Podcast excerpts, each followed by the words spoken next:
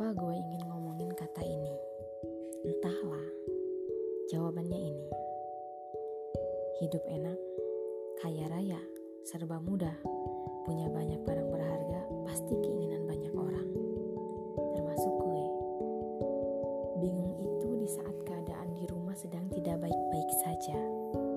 Orang tua bertengkar hanya karena ekonomi, dan kita tidak bisa bantu apa-apa tahu harus ngapain. Mungkin kalian yang sedang di bangku kuliah pengen udahan aja kuliahnya. Kalian yang sedang duduk di bangku SMA rasanya pengen udahan aja sekolahnya. Kerja mau kerja apa? Skill ilmu yang ditempuh juga baru cetek. Tapi percayalah, dari segala untuk tetap sekolah, untuk tetap lanjut kuliah, itulah cara membantu yang sudah paling benar. Jangan kalian libatkan diri kalian secara dohir, tapi libatkanlah diri kita secara batin. Mendoakan misalnya.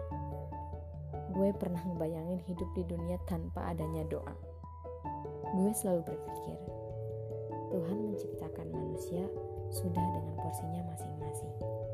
Dan gue beranggapan doa adalah hadiah dari Tuhan untuk hambanya.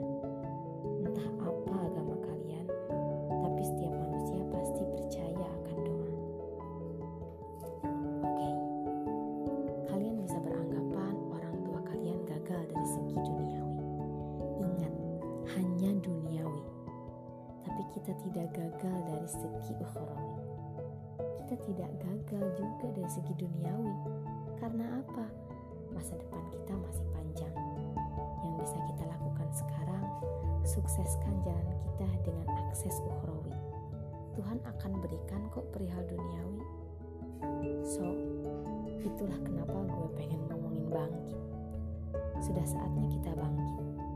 Kita tidak berhasil membantu orang tua dalam cara dunia, namun akses jalan menuju taman langit akan pernah tertutup. Tetaplah berdoa, jangan putus asa, semangat. Langkahmu tidak akan terhenti atau terputus hanya karena keadaan orang tua kita sekarang.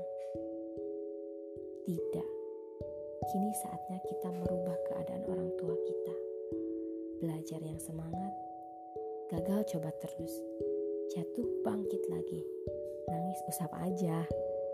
Allah selalu nunggu kita bangkit. Jangan malas untuk bangkit.